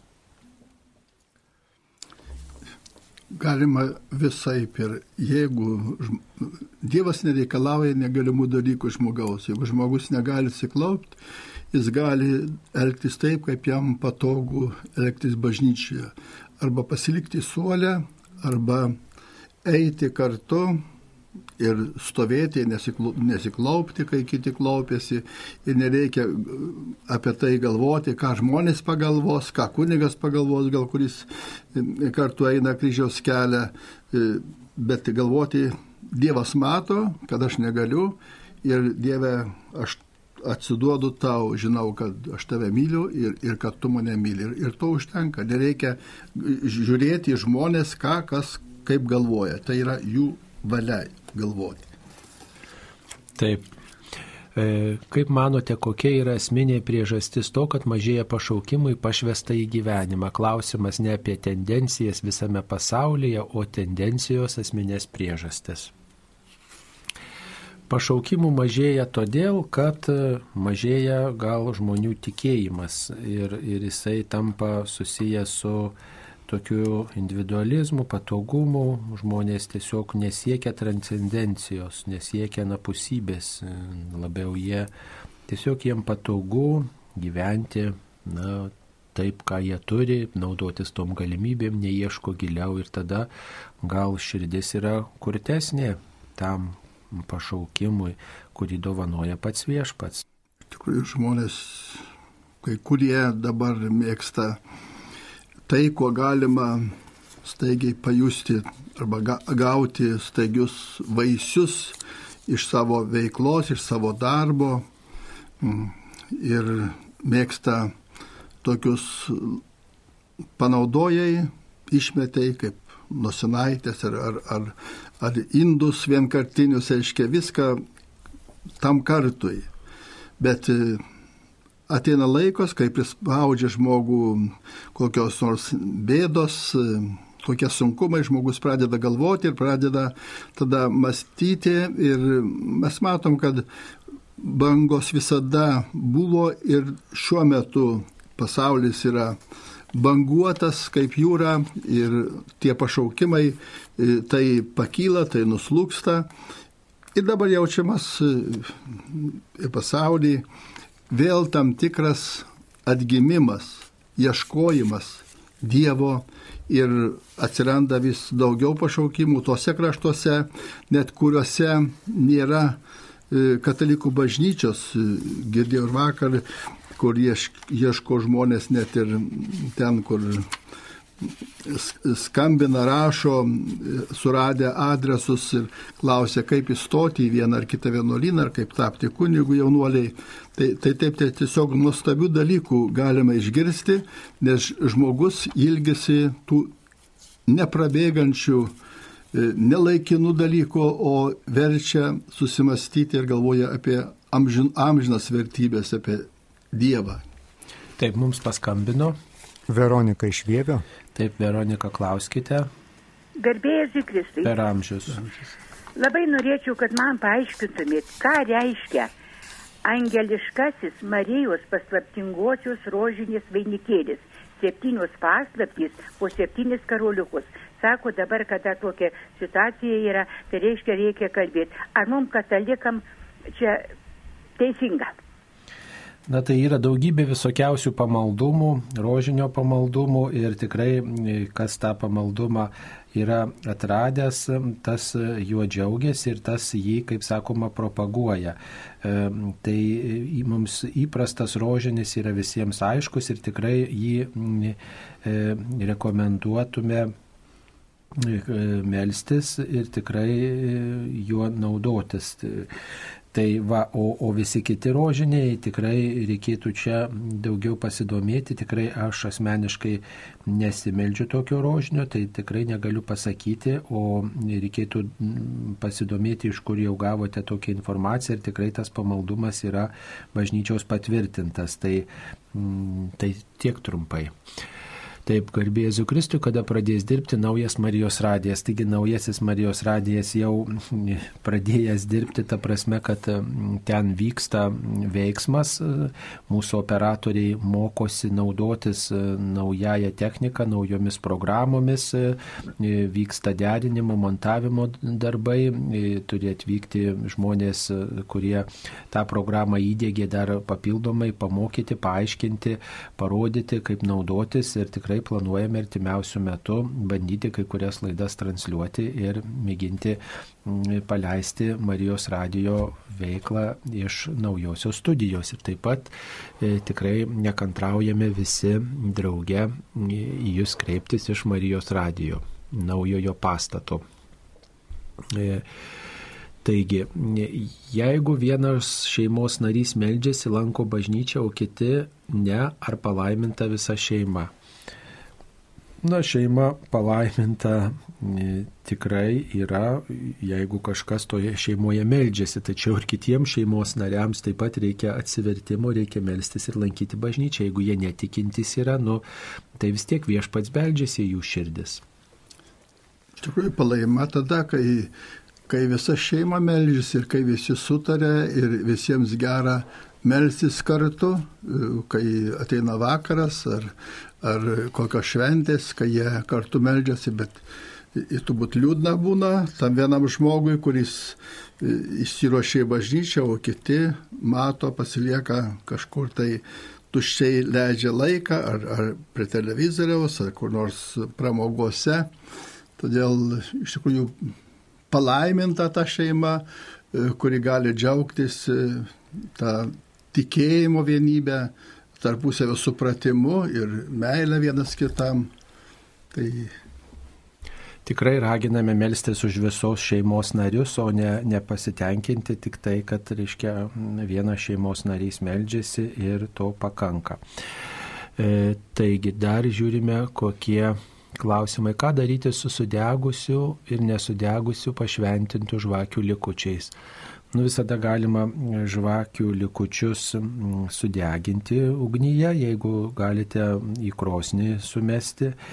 Jei ne, tai galima taip pat žvakių likučius sudeginti sode.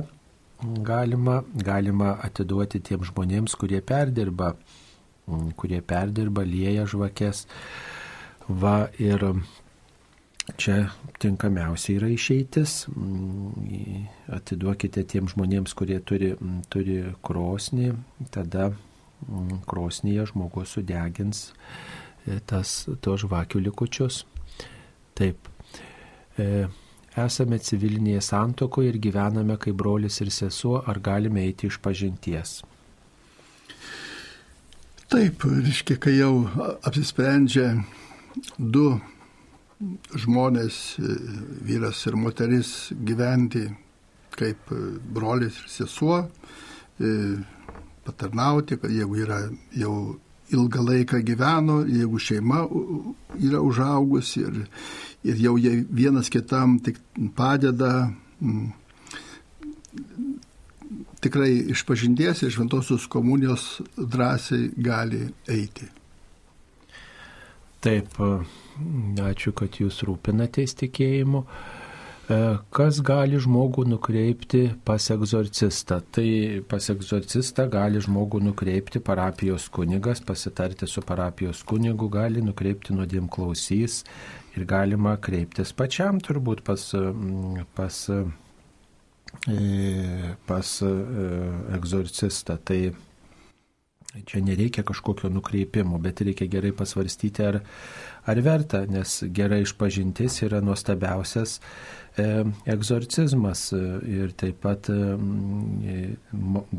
malda, nuoširdį malda, nuoširdį atgaila tikrai gali padėti žmogui atsikratyti bet kokios blogio, blogio tokios įtakos, kai žmogus meldžiasi, kai žmogus ieško Dievo, kai, kai, kai prašo kitų užtarimo, tai tikrai yra didelė, didelė pagalba, dvasinė pagalba.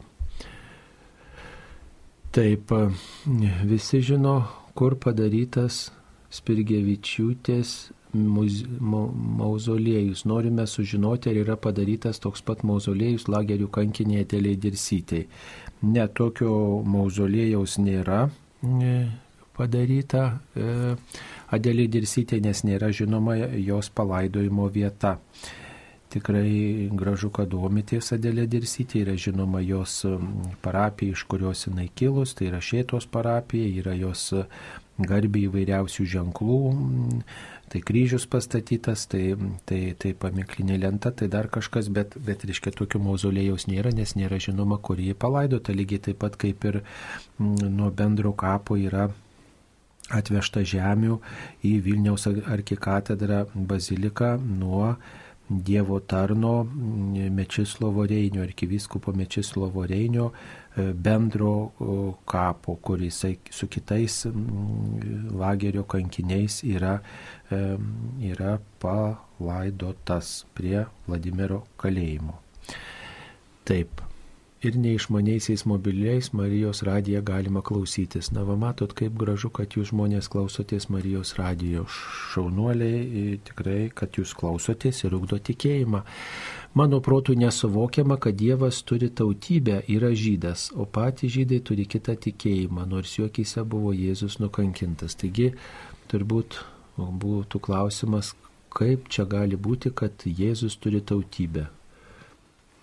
Dėl to, kad jis gimė iš Marijos, kuri yra žydaitė, kuri yra, turi, reiškia, konkrečią tautybę, yra istorinis asmuo. Nėra žmogaus, kuris nebūtų kažkokios istorinės tautybės, kuris gyventų kažkokioj, kuris kažkur nu, negyventų kokioj konkrečioj žemėje. Net jeigu, pavyzdžiui, žmogus taip nutinka, kad e, moteris, pavyzdžiui, pagimdo laive, kuris yra neutraliuose vandenyse, vis tiek yra kažkaip priskiriamas kažkokiai tautybei, kažkokiam kraštui, kažkokios, e, kažkokio krašto pilietybę gauna. Taip ir Jėzus, jis prisėmė žmogišką prigimtį. Tai žmogus pirmiausiai turi vardą, turi, turi mamą, turi, e, turi kažkokią vietovę, kurioje jisai gyvena ir į kurią kultūrą jis ateina. Tai Jėzus atėjo į šitą kultūrą, o kad nepriėmė savieji, tai, tai čia yra šansas pagonėms priimti, kaip apie tai skaitome šventam rašte, savieji nepriėmė, bet tada turėjo galimybę tie, kurie nesavieji, kurie toli, tai yra visi pagonės ir mes iš pagonių kilę, bet ir mes turime šansą priimti Jėzų, kuris yra šviesa žmonėms, kuris atnešė išgelbėjimą ir nuodėmio atleidimą. Ir dar Dievas iš tikrųjų neturi tautybės. Tai jeigu mes kalbam apie Dievo sūnų Jėzų Kristų, tik tai jis gimė, tapo žmogumi iš, iš Marijos. Todėl Dievas yra dvasia ir jį garbina visos tautos vienodai. Ir, ir Jėzo, Jėzaus ateimo šitą pasaulį vieta pasirūpino pats viešpats ir jeigu išrinko e, mergelę Mariją, jo motiną, kuri priklausė žydų tautai, tai tai yra jo valia ir, ir čia nieko nėra nuostabaus ar priešingo mūsų tikėjimui. Taip, mhm, dar viena žinutė. Dėl pandeminės situacijos sekmadieniais dalyvauju mišiuose transliuojamuose internete, nesu atlikusi Velykin, kalėdinės išpažinties, norėčiau atlikti išpažinti prieš Velykas, kaip turėčiau pasielgti. Viešoje erdvėje girdisi, kad dalyvavimas nuotolinėse mišiuose prilyksta kontaktiniam.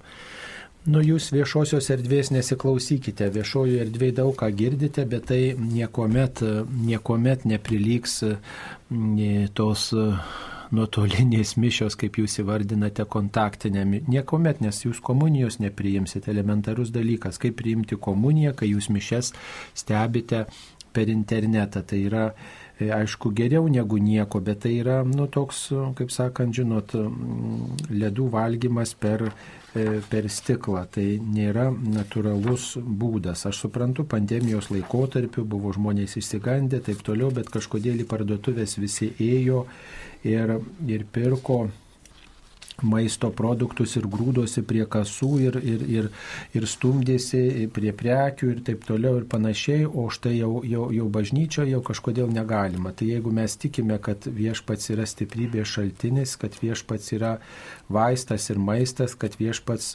rūpinasi mūsų ne tik šiuo gyvenimu, bet ir amžinybę rūpinasi, tai tikrai mes galėjome laikytis įvairiausių, taip sakant, įvairiausių saugumo priemonių ir, ir, ir tikrai saugiai ateiti, ateiti į mišes net ir pandemijos laikotarpiu, juk būna, būdavo taip, kad mišios E, aukojamos ir mažesniai bendruomeniai. Pavyzdžiui, šeštadienį vakare visai nedaug žmonių dalyva, būna mišiose ir jau sekmadienio mišios aukojamos. Arba, pavyzdžiui, sekmadienio vakare arba šeštadienį anksti ryte. Jeigu man Dievas rūpi, tai aš tikrai surasiu būdą, kaip su juo bendrystė išgyventi liturgijoje ir galiu į tą bažnyčią atėjęs vėlgi atsisėsti kažkur nuo toliau, pakraštyje, tokiau nuo kitų žmonių. Juk nėra taip, kad tik bažnyčia bažnyčios lengsti peržengiu ir tas virusas iškart, iškart šoka ir suėda mane. Tai bet kur, jeigu Dievas taip numatęs, bet kur galiu tuo virusu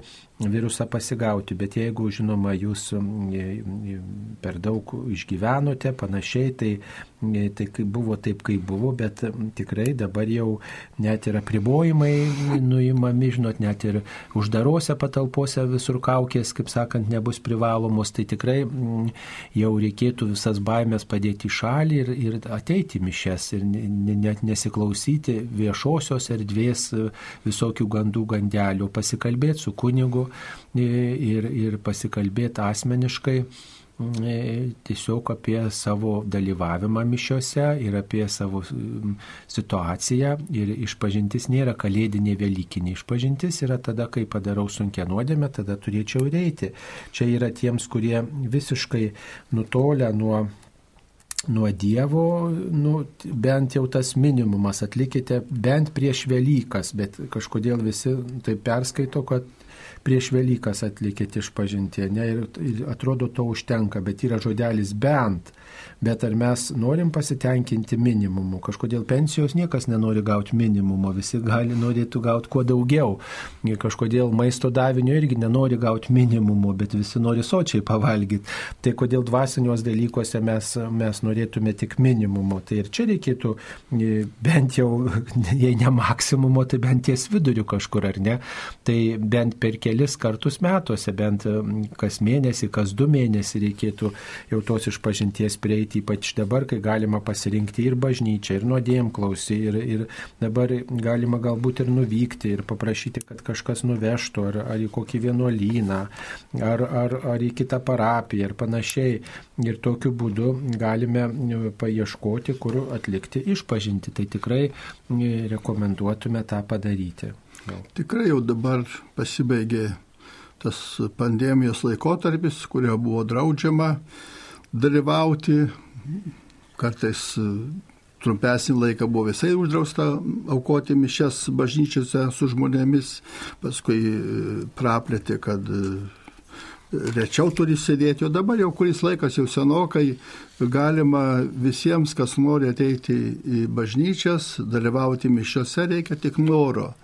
O, o tas žiūrėjimas iš tikrųjų tai yra tik tai žiūrėjimas, bet nedalyvavimas mišiuose. O mišiuose yra kviečiami dalyvauti, kad galėtume, e, kaip ir prieš tai minėjau, kad galėtume pilnai dalyvauti ir priimti ir šventąją komuniją, kam reikalinga atlikti išpažinti ir nėra ko atidėlioti, nes jo laiko lieka vis mažiau iki Velykų ir jeigu ilgesį laiką nebuvus, tai jau apleisti, jeigu žmogus yra sveikas ir neteina mm, sekmadieniais į šventas mišes dėl savo aplaidumo, dėl to, kad patogiau e, sėdėti fotelyje ir žiūrėti, dar kiti dar ir kavutis atsigeria per šventas mišes, tai, tai ten yra tik tai kaip žinių ar kokiu nors pramogų žiūrėjimas, o čia yra dalyvavimas turi būti šventose mišiose, todėl asmeniškai žmogus yra kiekvienas kviečiamas, ateikite, pabūkite su Jėzumi, pasistiprinkite ir išeikite sustiprėję. Taip, ačiū mums paskambino. Marija iš Ignalinos. Taip, Marija, klauskite. Garbė Jėzui Kristui. Per amžius. Per amžius. Aš perskaičiau popiežiaus katekezę senatvė dvasinio jautrumo amžius. Čia yra teigiama, kad dvasinės nejautros sindromas yra labai paplitęs mūsų visuomenėje. Ir su tuo dažnai labai savo aplinkoje susiduriu. Jūs, kunigai, gal galite plačiau apie tai pakalbėti? Apie dvasinę nejautrą. Nu tai, žinot, žmogus atbunka. Atbunka nuo, mm, nuo uh, kito skausmo, atbunka nuo, nuo tokio, nuo, nuo kito sielvarto, nuo liūdėsio, nuo meilės atbunka. Nu, visų pirma, yra labai daug egoizmo ir labai daug informacijos, labai daug įvykių, labai daug visokios sumaišties ir žmogus tiesiog užsidaro savo keutę, jisai jam pakanka savęs paties, jisai galbūt vieną kitą kartą yra atstumtas ar, ar, ar patyrė kažkokių sunkumų bendravime ir jisai užsidaro ir tada ta dvasinė nejautra tokia didėja. Mm, ypatingai jeigu žmogus, pavyzdžiui, yra sužeistas, įskaudintas dvasiškai, mm, iš jo, pavyzdžiui, šaipėsi, niekino jį vaikystėje, tai, tai tada jisai tampa toksai labai mm, jautrus bet kokiai pastabai ir, ir tiesiog jisai nu, nepasitikė ir nenori atjausti kitų ir užsiveria savy. Tai tikrai dažnai tokį žmogų užkalbinus ar kažko paprašius ar kokią pastabą padarius gali išgirsti tokio, tokių ciniškų pastabų, ciniškų minčių, nes žmogus ginasi tokiu būdu, žmogus reaguoja Ir tikrai tai yra tokia dvasinė nejautra, nu, šito pasaulio tikrai tokia žymė. Kita vertus tikrai pastebime ir priešingą dalyką, kad pavyzdžiui, Ukrainoje žiūrėkit karas, o kiek žmonių ir mūsų krašte atsiliepia, jie klausia, ką galiu padaryti ir, ir aukoja ir, ir skiria, e, skiria ir pinigų, ir daiktų, ir tikrai didžiulės labdara surinkta, bet ar pavyks tą išlaikyti visą laiką ir ar žmogus galbūt, na, vat, susižavėjo tokio pagalbos pagalbos galimybė, bet ar jis tikrai savo aplinkoje, savo artimiesiems yra jautrus, e, tie, kurie nuolat šalia jo būna. Gal kartais yra lengva vieną kartą padaryti kažkokį gerą darbą, bet va tą jautrumą nuolat pagyvenusiam žmogui, močiutėjai, uošveniai, tetai, kaimynui parodyti, tam, kurį nuolat dažnai sutinku, va, nuolat išlaikyti tą gerumą, kaip ir tuos ukrainiečius, malonu priimti čia, pasveikinti atvykusius, vėliavėlę pamojuoti, bet ar aš galėsiu tikrai pastoviai juos palaikyti, jeigu jie, pavyzdžiui, vis nesuranda darbo atvykę pas mus, jeigu štai jie neapmokės sąskaitų, ar tikrai aš tą gerumą, jautrumą jam parodysiu tam žmogui, ar tikrai, kai pamatysiu, kad jis irgi tik žmogus, kad turi gal ir kažkokių neigiamų savybių įdų, galbūt ir, ir į kažką įsivėlė, gal netinkamų, ar tikrai aš pakesiu jį ir, ir tą, tą jautrumą jam kaip žmogui parodysiu. Nu, va, tai, žinot, mes kartais gal vienam dalykui susikoncentruojam ir padarom, bet išlaikyti tokį tokį dėmesį ir meilę ilgesnį laiką, tai turbūt keblu. Ir turbūt ne, negalime sakyti, kad visi šimtų procentų vyresnio amžiaus arba subrendę žmonės, reiškia, pasidaro dvasiškai nebejautrus kaip kunigas galiu pasakyti, turėdamas didelę patirtį, reiškia, ir dirbdamas su, su žmonėmis, reiškia, labai daug žmonių, kurie ir būdami labai garbingo amžiaus yra iš tikrųjų dvasiškai jautrus. Ir, ir, ir visur, ir, ir su artimu, ir su Dievu palaiko labai tokius šiltus ryšius.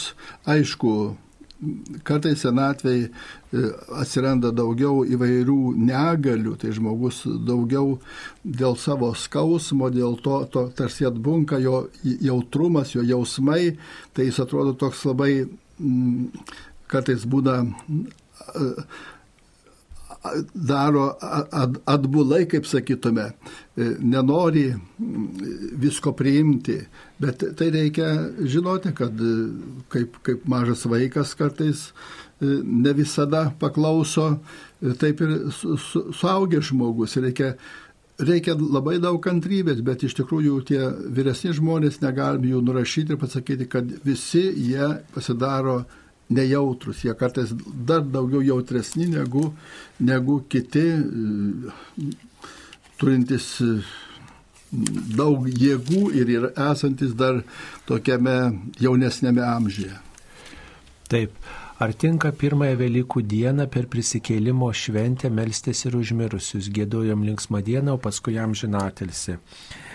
Na tai, e, matot, kiekvienose šventose mišiose prisimenami mirusieji. Kiekvienose šventose mišiose e, kokią progą besimelstų kunigas, jisai prisimena iškeliavusiosius. Tai vadinasi, tinka ir pirmą Velykų dieną melstis už juos. Tačiau, kaip tik tai, sakyčiau, tokioj prisikėlimo šviesoje mirusieji, jie yra Dievo akivaizdoje, gyvojo Dievo akivaizdoje ir jie, na, mūsų troškimu taip pat na, gali dalyvauti toj prisikėlimo šlovai, kurioje dalyvauja Dievas, tai mes jiems to linkime prisikėlimo šviesoje, tai net ir Velykų dieną prisimenami mirusieji, būtent kaip tie, kuriuos viešpats prikels gyvenimui be pabaigos, jam vienam žinomu laiku, tai linkim prisikėlimo mirusiems, tai čia nieko tokio, net ir Velykose juos prisiminti.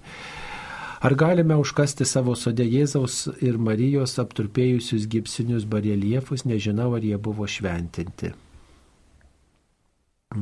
Taip, nu tai, nu, matot, užkasti galima, aišku, pagarbiai užkasti tuos atvaizdus, kitas dalykas, nu, jūs juos tiesiog, jeigu matot, kad jų nenaudosite, juos galima, nu, paimti ir išardyti kažkokiu būdu, tiesiog sutrupinti ir tada jie, nu, nebetenka to, to, to vaizdo ir tada juos išberėme kaip tam tikrą medžiagą, juos išberėme kažkur. Tas užkasimas, nu, žinot, iškasite, paskui po kiek laiko prireiks ten kažką sodinti, galvosite, o kas čia vėl iškasat.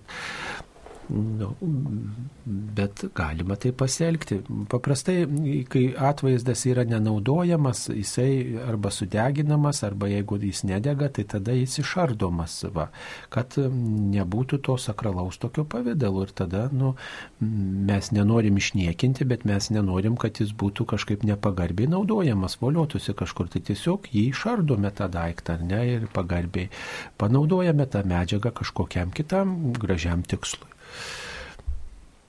Taip. E, mhm. Ar Dievas, tėvas visą laiką Mozė ir kitam žydams kalbėjo, mano tauta, Dievas yra trejybė, tai ir sunus ir tėvas yra žydai, tai labai sudėtinga suprasti.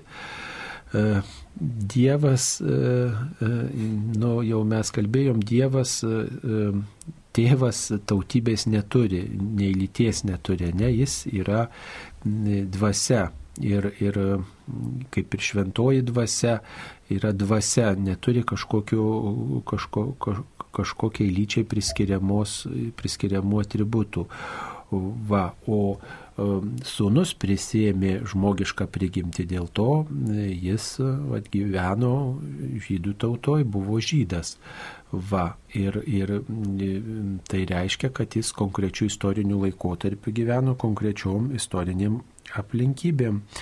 Ir tai nereiškia, kad jis tik tą tautą apsiriboja. Jo žinia pasklidus po visą pasaulį ir jo žinia naudinga daugelio žmonių išganimui, kurie jį priima ir kurie gyvena e, taip, kaip viešpats moko, o tiesiog su viena tauta viešpats neapsiriboja. Pauliaus e, raštijoje skaitome laiškė romiečiams atrodo, kad e, taip žydai yra išrinktoji tauta, tačiau ta Dievo tauta esame mes visi.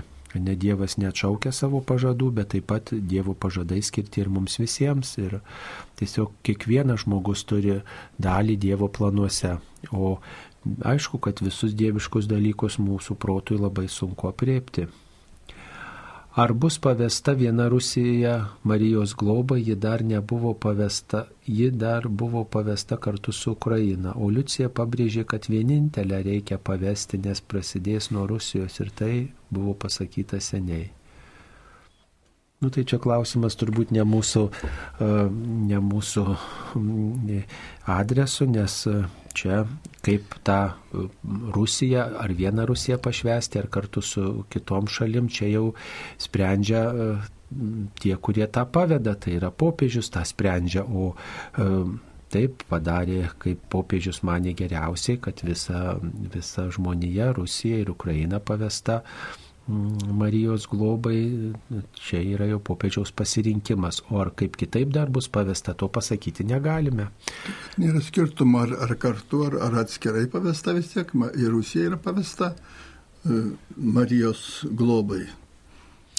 Taip, kodėl visame pasaulyje žydai yra nemėgstami, nors jie valdo pasaulį, jų rankose pinigai. Nu, Daugelis tautų yra nemėgstami, ne tik tai žydų tauta, ar ne? Nu, yra gal kažkokio, kažkokie asmeniškumai, kodėl nemėgstami vieni ar kiti žmonės, juk pavyzdžiui, ir, ir, ir lietuvių kai kur nemėgsta, net ir žinot, buvo toks posakis, sako, tarp lietuvių paplitęs, net sako, linkim užsienyje, linkim, kad pas tave atvažiuotų giminės iš Lietuvos, nes jie, nes jie pareikalaus pinigų ir visa kita, žodžiu, nemėgstami taip pat ir Romų tautybės žmonės, nu va, yra gal kažkokie, kažkokios savybės, kurias turėjo vienas ar kitas žmogus ir paskui kažkaip va, tos vienos ar kitos neigiamos savybės tada priskiriamos ir kitiems tos tautybės žmonėms. Tai reikėtų labai saugotis tokio tautybės, visos, visų, tau, visų vienos tautybės žmonių tam tikro niekinimo, nes nuodėmės jos neturi tautybės.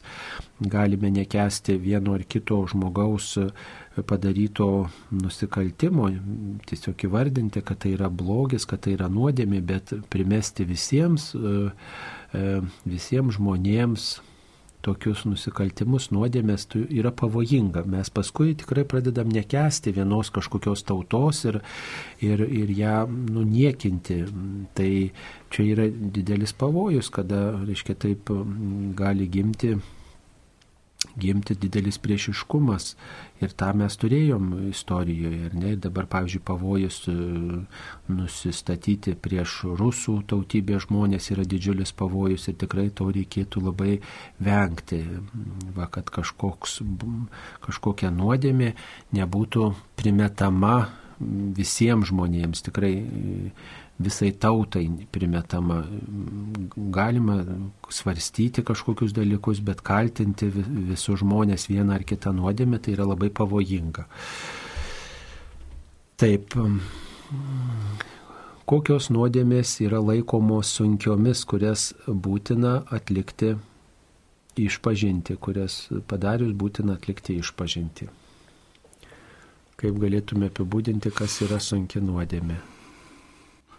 Tai visa, visi nusikaltimai, kuriuos mes nepaklausydami padarome, nepaklausydami dešimties Dievo įsakymų svarbiuose dalykuose, e, kad tai nebūtų mažmožis, reiškia, svarbiuose dalykuose, paskui turi būti pilnas proto pažinimas, kad mes pažįstame, suprantame, kad tai yra e, sunkus nusikaltimas, kad tai yra sunki nuodėmė ir vis tiek tai norime daryti. Tai yra, tai yra e, tie kriterijai, kurie padaro, kad tas nusikaltimas būtų sunki nuodėmė. Jeigu kažko trūksta, jeigu žmogus e, e,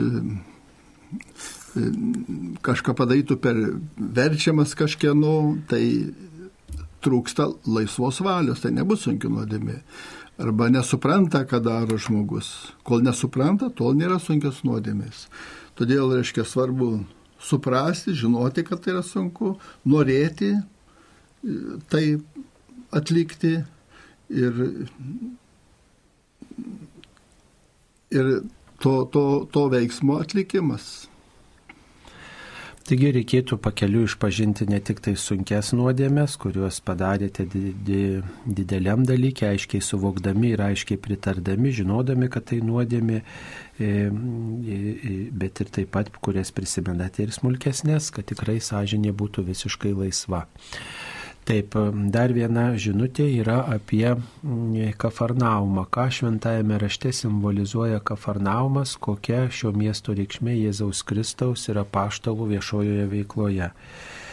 Taigi Kafarnaumas yra toksai miestas, kuris yra Izraelio šiaurinėje teritorijoje prie mm, Tiberiado ežero Galilėjoje mm, ir dar gerokai prieš Kristaus veiklą tas miestelis e, veikė. E, aišku, tame miestelėje buvo daug žvėjų, nes prie Tiberiado prie Tiberiados ežero tas miestas buvo, dabar likę ten tik tai griuvėsiai. Ir ten gyveno Petras ir jo vietoj pastatyta bažnyčia yra. Tiesiog ten buvo išgydyta Petro uošvė ir evangelistai šitą miestą vadina Jėzaus namais, Jėzaus Kristaus miestu, nes jisai tame mieste Kafarnaume padarė stebuklų, gydė sinagogoje ir kalbėjo apie apie gyvybės duoną, nu, žodžiu, daug mokė. Ir mm, tas miestelis mm, po Jėzaus mm, Kristaus veiklos vėliau buvo sugriautas. Na, ką jisai primena, na tai aišku, kad e, jis primena Jėzaus veiklą, primena Jėzaus mokinius, Jėzaus bendruomenę, bet kita vertus priima, primena Kafarnaumas ir tokį tokį netikėjimą, nes Jėzus e, ir griežtai yra pasisakęs Kafarnaumo gyventojų adresu, nes, mm, žodžiu, e, jeigu tokių stebuklų būtų padaryta kitose vietovėse kaip Kafarnaume, tikrai tos, to, to vietovių gyventojai būtų atsivertę. Na tai gali priminti ir kietą širdį, kuri niekaip nepriima Jėzaus žinios. O, o šiaip tai ta vietovė ypatingai susijusi su Jėzaus ženklais, su Jėzaus stebuklais, kuriuos viešpats dovanoja visiems žmonėms, bet žmogaus kieta širdis niekaip jų nepriima. Taigi tiek atsakome į jūsų, jūsų atsiustus klausimus, tiek atsakėme. Ačiū kunigui Elgiui Baniuliui, jezuitui iš Kauno Pranciškaus Ksavero bažnyčios, kuri yra visai prie Rotušės. Ir kviečiame apsilankyti toje bažnyčioje, pasimelsti su tėvais jezuitais. Prie mikrofonų taip pat buvo aš, kunigas Saulis Bužauskas. Būkite palaiminti, viešpats te globoja kiekvieną iš jūsų, tegul palaiko taikoj, te skatina gėriui, meiliai, tarnystėj ir maldos gyvenimui. Ačiū sudė. Ačiū.